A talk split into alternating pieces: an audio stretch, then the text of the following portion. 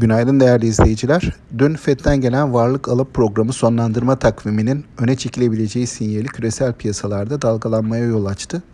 Avrupa ve ABD hisse senedi endeksleri %2'ye varan oranlarda geriledi. Bu sabah itibariyle ise ABD hisse senedi vadelilerinin yukarı yönlü hareket ettiğini görüyoruz. Dün yurt içinde ise daha çok kur gelişmeleri takip edildi. TL'de değer kaybının sürmesi yatırımcı risk algısını özellikle mali sektör hisselerine dönük olarak olumsuz etkiliyor.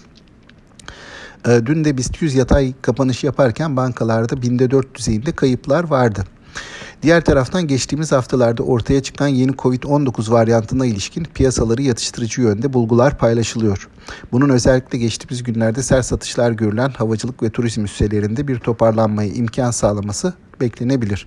BIST'in bugün gerek yurt dışının seyrine gerekse de yurt içindeki gelişmelere bağlı olarak yatay seyrini korumasını bekliyoruz.